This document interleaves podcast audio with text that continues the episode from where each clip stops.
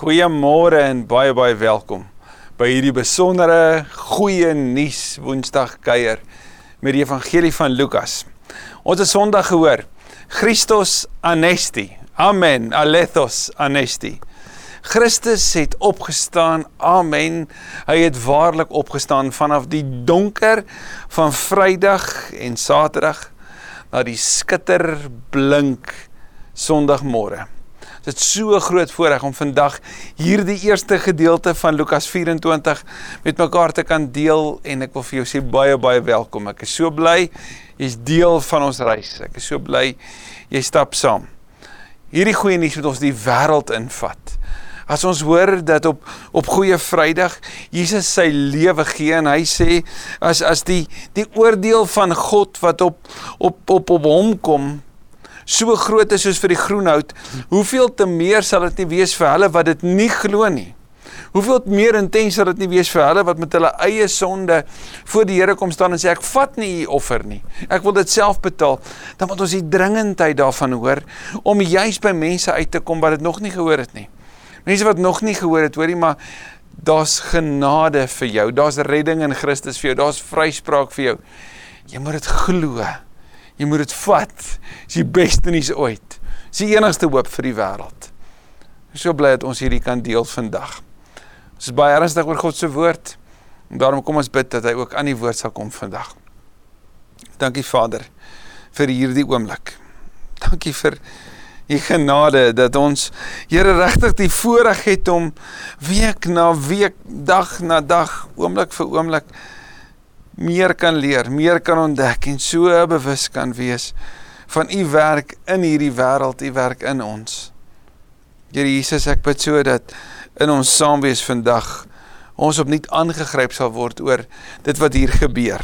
Dit wat daai Sondagoggend gebeur het, dat dit vir ons opnuut sal aanvuur om die wêreld in te gaan met 'n boodskap van van hoop, die boodskap van waarheid, die beste nuus ooit. Die graf is leeg. Seën ons daarom asseblief nou. En seën ons hierna ook verder om seën verander te wees. Ek bid dit in die naam van Jesus ons Here. Amen. Amen. Ons het Vrydag se gebeure afgesluit met Nikodemus en Josef van Arimatea wat Jesus se se liggaam gebalsem het en in die graf geberg het. Die vroue het dit op 'n afstand waargeneem die klip is ingerol en so kom sê die ander evangelies vir ons hy's verseël en daar was wagte gewees wat voor hierdie klip geplaas moes wees om die graf op te pas om seker te maak dat Jesus nie uitstap nie want so het die Jode gesê hy het gesê hy gaan opstaan so kom ons maak seker dit is nie so nie Nou hierdie Sondagmôre staan in skrille kontras teenoor die die wêreldbeskouing van daardie tyd. Want sien die Jode het geglo dat daar wel 'n opstanding sal wees, maar aan die einde van tyd op die Yom Yahweh, die dag van die Here, wanneer die laaste dag aanbreek. Die Grieke het weer geglo dat indien jy na die hiernamaals toe sou gaan, is die hiernamaals soveel beter want jy ontsnap as dit ware uit die tronk van hierdie liggaam, want jou liggaam, jou sarks, jou vlees is in wese nie goed nie dat die geestelike beter is. So as jy ontsnap vanuit hierdie liggaam, vanuit die vleeslike, van die tydelike, dan gaan jy na 'n beter riem toe, 'n beter werklikheid toe. Maar jy sal nooit weer wil terugkeer nie. Jy sal nooit weer wil terugkeer na hierdie wêreld toe nie. So ook het die Jode ook geglo dat as jy doodgaan, as jy by die opstanding sou deelneem, is dit by die ander kant, dis nie hier nie. So om te dink aan 'n God wat ly was verregaande om te dink aan 'n God wat sterf was verregaande, om te dink aan 'n God wat opstaan en weer hierdie wêreld, hierdie realiteit betree, was verregaande. So wat vir hulle op hierdie oomblik gebeur, is iets wat so vreemd en so uniek en tog so waar is. Michael Bird skryf die volgende, hy sê Christianity began as a resurrection movement. Dit begin vanuit die opstanding.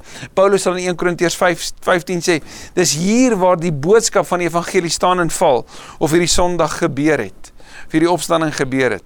So, kom ons wandel saam met Lukas. Lukas 24 vers 1. Die Sondagmôre baie vroeg het die vroue na die graf toe gegaan met die reukolie wat hulle reggemaak het.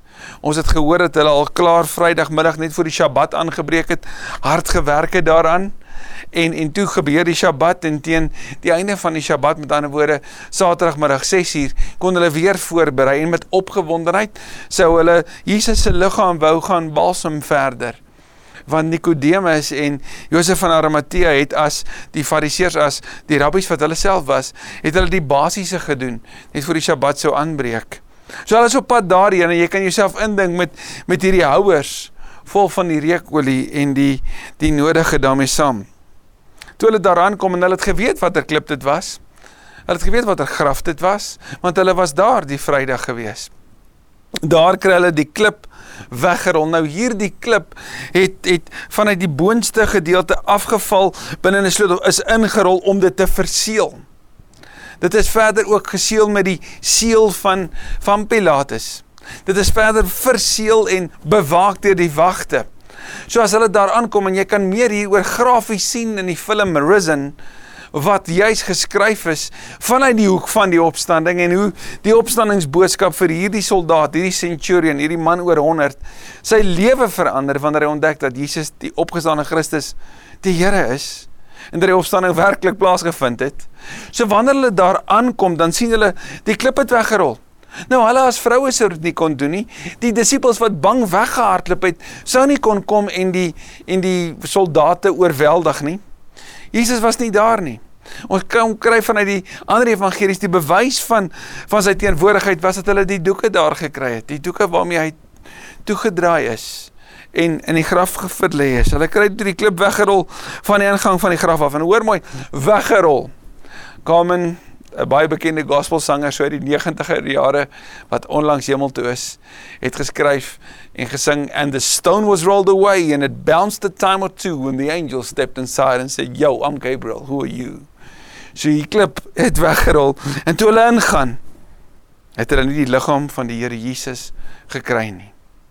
Dink vir jouself hierdie dames, hierdie vroue, eerste getuies van 'n leë graf. Wat moes met hulle gebeur het op daardie oomblik? Hulle het nie geweet wat om daarvan te dink nie.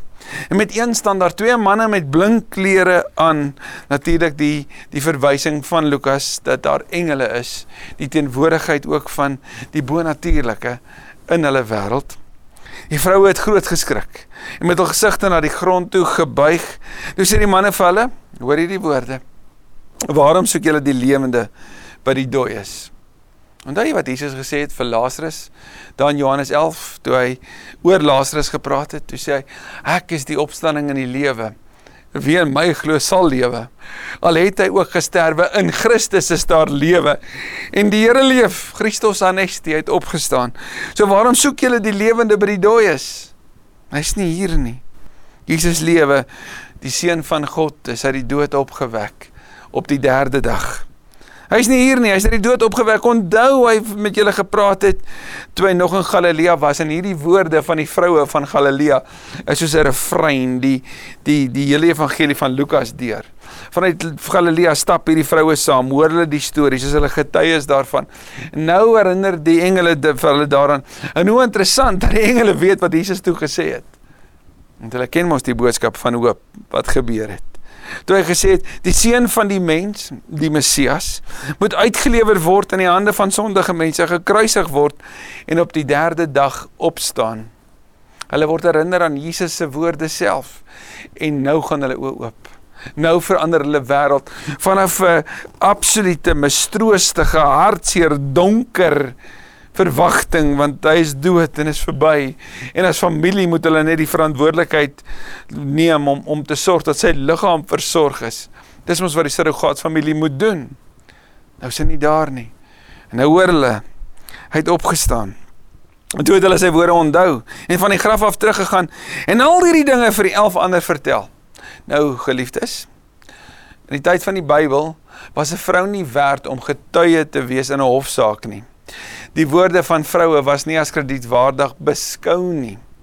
Wie is die eerste getuies van Jesus se opstanding? Vroue. Hoekom sou Lukas dit in die evangelie sit en hoekom sal ons dit by al die ander evangelies hoor? Want dis waar.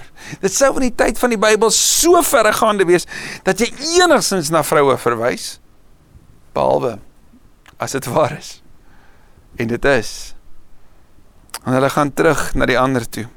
Die vroue was Maria Magdalena, Onthou net so vinnig weer, die film wat ons onlangs gewys het is steeds beskikbaar. Daai baie spesiale film oor die lewe van hierdie vrou, Maria van Magdala. Dit was Maria Magdalena en Johanna en Maria en die, die ma van Jakobus. Ook die ander vroue saam met hulle het dieselfde dinge aan die apostels vertel. Ons staan op die skouers van hulle wat self daar was. Maar vir hulle het hierdie verhaal na ons in gelyk. Ek bedoel die manne kyk vir hulle so aan van wat? So onmoontlik man. Een, julle is vroue, so ons glo julle in elk geval nie. En die kans dat hy opgestaan het, waar in jou lewe het jy so iets gehoor? En hulle het die vroue nie geglo nie. En dis belangrik dat Lukas hierdie vir ons wys. Want dit vertel vir ons iets van die beweging van die disippels vanaf 'n plek van ongeloof. Jy gaan dit ook sien 'n week later wanneer Johannes 20 vir ons sê wanneer wanneer Thomas, die skeptiese Thomas sê ek sal nie glo nie as hy nie self voor my verskyn nie, as ek nie self my vingers in sy wonde druk nie, gaan ek nie glo nie en dan stap Jesus in. En dan uiteindelik in Johannes 20:28 sê Thomas, my Here en my God, want hy het dit self gesien en self beleef. So die skeptisisme, die negativiteit, die die die nie glo nie. Is nie 'n ding van vandag nie. Was 'n ding van toe. Dis 'n realiteit in die lewens van die disippels. Hulle was skepties, hulle wou seker maak en daarom indien hulle sou seker word daarvan, sal dit weer eens vir jou my bevestig hoekom dit wat ons voor ons het die waarheid is. Petrus het opgespring en na die graf toe gehardloop. Onthou jy Petrus, die een wat ontken het? Is steeds tussen die groep. Petrus is die een wat Jesus gesê het, as jy weer tot inkeer kom, moet jy jou broers versterk. En wat hy hier gaan beleef word die belydenis. Jesus is die Here. Hy het opgestaan van die kerk. Is dit ook vandag. Hy het toe gehardloop. Ons sal in Johannes sien dat hy in Johannes het het nogal daar 'n 'n wedloop gehad en Johannes het eerste ingekom. Toe hy daar vooroor buik, sien hy net die doeke die doeke die bewys dat Jesus daar was. Nou daar's 'n 'n mooi simboliese betekenis daar agter dat daar gesê word dat wanneer jy by iemand gaan kuier het en jy weer jou jou beddegoed mooi sou opvou en jou handdoeke en dis meer mooi sou bære, dan bewys jy daardie ek kom terug, ek kom weer. So Jesus se se los van sy doeke is om te sê hy gaan weer terugkeer. Nie na die graf toe nie, maar na ons toe. Aan die einde van tyd by sy wederkoms maar hulle het sy doeke gesien. Weereens 'n fisiese bewys. So as jy 'n hofsaak sou hê oor het Jesus werklik opgestaan, soos Wonne Wallace ook in sy boek vir ons kom wys het. Soos wat Lee Strobel in A Case for the Resurrection en ag jy kan al die verskillende bronne gaan kyk in die in die apologetics wêreld. Gaan jy sien dat die saak uit te maak vir Christus se opstanding, die waarskynlikheid daarvan, die feite daar rondom is ver by verre oorwegend en en sterk om te kom sê maar Jesus se liggaam is nie gevind nie. Daar's vertel deur op tye 500 op 'n slag dat hy opgestaan het. Die bewys van sy doeke, watter persoon sou sy doeke nalat? Jesus het opgestaan. Vol verwondering oor wat gebeur het, is hy. Hy wat Simon Petrus is terug huis toe om te vertel. Die herskepingswerk van die Here het begin. Hy het opgestaan. Waantoe stap en waantoe gaan 'n koning as hy die dood oorwin het? As hy heers? stap hy nie op 'n triomftog Jerusalem binne om te sê hier is ek nie. Stap hy nie in om vir Pilatus te gaan sê kyk hier is ek nie. Stap hy nie na die Sanhedrin toe nie. Nee. Hy's op pad Emmaus toe. Ons lees vers 13 op dieselfde dag. Dag 3, die dag van die opstanding. Was twee van hulle op pad na 'n dorpie met die naam Emmaus. Nou Emmaus is waarskynlik waarvan af hulle gekom het. 12 km van Jerusalem af. Hulle was in gesprek met mekaar oor al die dinge wat gebeur het.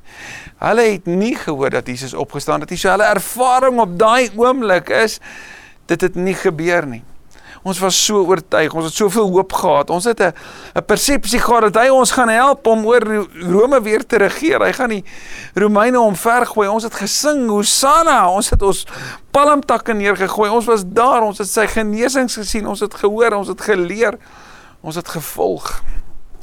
Terwyl hulle so gesels en gedagtes wissel, het Jesus self nader gekom het met hulle saamgeloop. Die eerste plek waartoe Jesus gaan na hy opgestaan het, is na die plek toe waar mense teleurgesteld wegstap. sien God wil nie dat mense hulle rug op hom draai nie. Hy gaan soek hulle en hy gaan stap saam. Maar hulle oë is verhinder om hom te herken. Is duidelik dat hulle later sou vertel en Lukas sou dit hoor dat hulle hom nie dadelik herken het nie, hoekom want hulle het nie verwag hy sou daar wees nie. Op 'n wy, op 'n manier was Jesus gesluier vir hulle. Hy vra hulle toe: "Wat is dit wat julle so ernstig met mekaar loop en bespreek?" Met somber gesigte gaan hulle staan. En een van hulle met die naam Klopas antwoord hom. Nou die naam Klopas beteken dit is soos 'n voetnota. Om te sê jy kan hierdie bewys gaan nakyk. Lukas is dit waarom te sê Klopas, jy weet hy leef nog. Jy kan hom gaan vra. Hy was self daar. Dis nie net 'n storie nie, hier is nog 'n persoon, nog iemand wat 'n bewys lewer, wat 'n getuie kan wees. Met somber gesigte sê Klopas toe vir hom: Is u dan die enigste vreemdeling in Jerusalem? Wat u nie weet van die dinge wat in die afgelope dae daar gebeur het nie? Vreemdeling? Aanduiding van 'n pelgrim, 'n reisiger, iemand van 'n ander land af wat ingekom het om offers te bring, om die die gebeure te beleef en wat sou gebeur het op daai daai Vrydagmiddag toe die offers moes kom in die tempel, toe dit donker en toe die tempel voorhangsel geskeur en al die stories rondom dit. Dit so as dit waarom te sê Hoe is jy nou hier op hierdie Sondag? Ons is op pad uit Jerusalem uit en jy weet nie. Hoe is dit moontlik? Is jy 'n vreemdeling vir hierdie verhaal? Het jy nie gehoor nie? Want almal moet mos weet. En hy vra hulle en kyk hoe nooi Jesus hulle in gesprek. Watter dinge? En hoor wat sê hulle as getuienis oor wie Jesus vir hulle was. Die dinge in verband met Jesus van Nasaret. 'n Profeet wat magtig was in woord en daad voor God en die hele volk. Hoor julle, hulle het die profeet verwag met wat hy uit God se wil kom bekend maak. Hy het wonders gedoen. En hoe ons priesterhoofde en kyk die erkenning van ons as Jode. Ons priesterhoofde en die lede van ons raad hom oorgelewer het. Wie is die skuldiges agter Jesus se kruisiging? Die Sanhedrin die Jode in die Joodse raad en ter dood veroordeel om ter dood veroordeel te word en hom gekruisig het. Sê Lukas hierdeur dat dat Klopas sê dat die Jode het Jesus gekruisig nie, die Syriese soldate was wat wat vir die Jode vir die Romeine gewerk het, het dit gedoen. Maar die die die beslissings agter dit, die die die die hele inisiatief kom vanuit die Jode en die Joodse raad. En dan hierdie absolute wanhoopige stelling. Ons het so gehoop dat hy dat dit hy is wat Israel sou verlos. Die ironie daarvan is hy het presies dit gedoen. Hy het verlossing gebring, maar nie van die tydelike nie, van die ewige verlossing van ons sonde. Maar boonop is dit vandag al die derde dag en die Jode het geglo dat in die derde dag het het het gees en liggaam is dit totaal siel en liggaam van mekaar geskei. Dit kan nooit weer by mekaar kom nie. So met ander woorde, Jesus is volledig dood. Dit het hulle geglo. So dis dag 3 vandat die dinge gebeur het. En nou het 'n paar vroue uit ons kring, nou hoor mooi vroue, om nie weer neerkyk. Ons ook nog ontstel. Hulle was vanmôre vroeg by die graf en kon sy liggaam nie kry nie. Maar nou hoor wat moet ons nou hiervan maak? Hy het ons nie gered soos wat ons verwag het nie. Hy's gekruisig. Dit was verskriklik om dit te sien, te aanskou, te beleef. En nou is sy liggaam weg. Wat maak ons met die chaos in ons gedagtes? Hulle het kom vertel dat hulle 'n verskyning gesien het van engele wat gesê het hy lewe. Sommige van ons mense het ook na die graf toe gegaan. En dit net so gekry soos die vroue gesê het. Aan die woorde Petrus se woorde en hoor mooi van ons mense so hiermee kom sê Klopas en wie ook al saam met hom stap of dit sy vrou is en of dit 'n vriend is, weet ons nie. Maar maar hulle kom sê ons was disippels, dis uit ons groep uit van ons mense het vir ons kom sê dat hulle dit net so beleef het soos die vroue gesê het. Maar hom het hulle nie gesien nie. So waar is Jesus? Toe sê hy vir hulle Wat 'n gebrek aan begrip en wat 'n traagheid van gees. Glo julle dan nie al die dinge wat die profete gesê het nie? Hierdeur kom sê Jesus vir hulle: Julle is blind. Glo julle nie met met oë van geloof dat wanneer die ganse Ou Testament op my dui, dat ek vir julle geleer het dat dat ek sou sterf en opstaan. Julle het dit nie gevat nie. Julle is steeds blind gebly daarvoor. Dis hoekom ek stil gebly het of eerlik sit om stil te bly oor die feit dat ek die Christus is want jy het 'n ander verwagting gehad. Sien ons kan saam met Jesus stap en ons kan 'n klomp kennis hê en hom nie raak sien nie. Moes die Christus nie hierdie dinge lei om in sy heerlikheid in te gaan nie? Hy het dit dan so gereeld vir hulle vertel. En gaan lees gerus Filippense 2 wat praat oor hierdie pad van lyding en hoe God Christus uit die dood opwek en vir hom 'n naam gee wat bo elke naam is. Daarna het hy by Moses en al die profete begin, met ander woorde in die begin van die Bybel en die ganse Ou Testament. En al die skrifuitsprake wat op hom betrekking het vir hulle uitgelê. Hier kry hulle Bybelkunde 101 by die meester van alle tye. Toe hulle by die dorpie aankom waarin hulle op pad was, het hy gemaak of hy verder wou gaan. Hy sou afgelyk of hy verder gaan stap. Want hy is soos in die Markus Evangelie amper gelyk of hy verby hulle wou stap toe daar nie storm was. Hulle het egter by hom aangedring en gesê, wat sê hulle vir hom? Bly by ons, want dit is amper aand en die dag is verby. Ons gaan nie aand binne. Jy kan tog nie buite bly nie. Maar sien jy die gasvryheid wat so deel was van die disippelsgroep van Jesus, die volgelinge. Hier leef hulle gasvryheid en hulle nooi hom in, kom bly by ons. En kyk hierdie woorde, toe het hy ingegaan om by hulle te bly. Weet julle wat sy Johannes op die eiland van Patmos vir ons skryf daar in Openbaring 3:20? Ek staan by die deur van jou lewe en klop. En as jy oopmaak, sal ek by jou ingaan en ek gaan saam met jou feesmaal hou. Jesus het by hulle huis ingegaan om by hulle te bly, om by hulle oor te bly. Terwyl hy saam met hulle aan tafel was, word hy skielik die een wat die wat die wat die leiding neem. Hy neem die brood en hy vra die seun en hy breek dit om dit vir hulle te gee.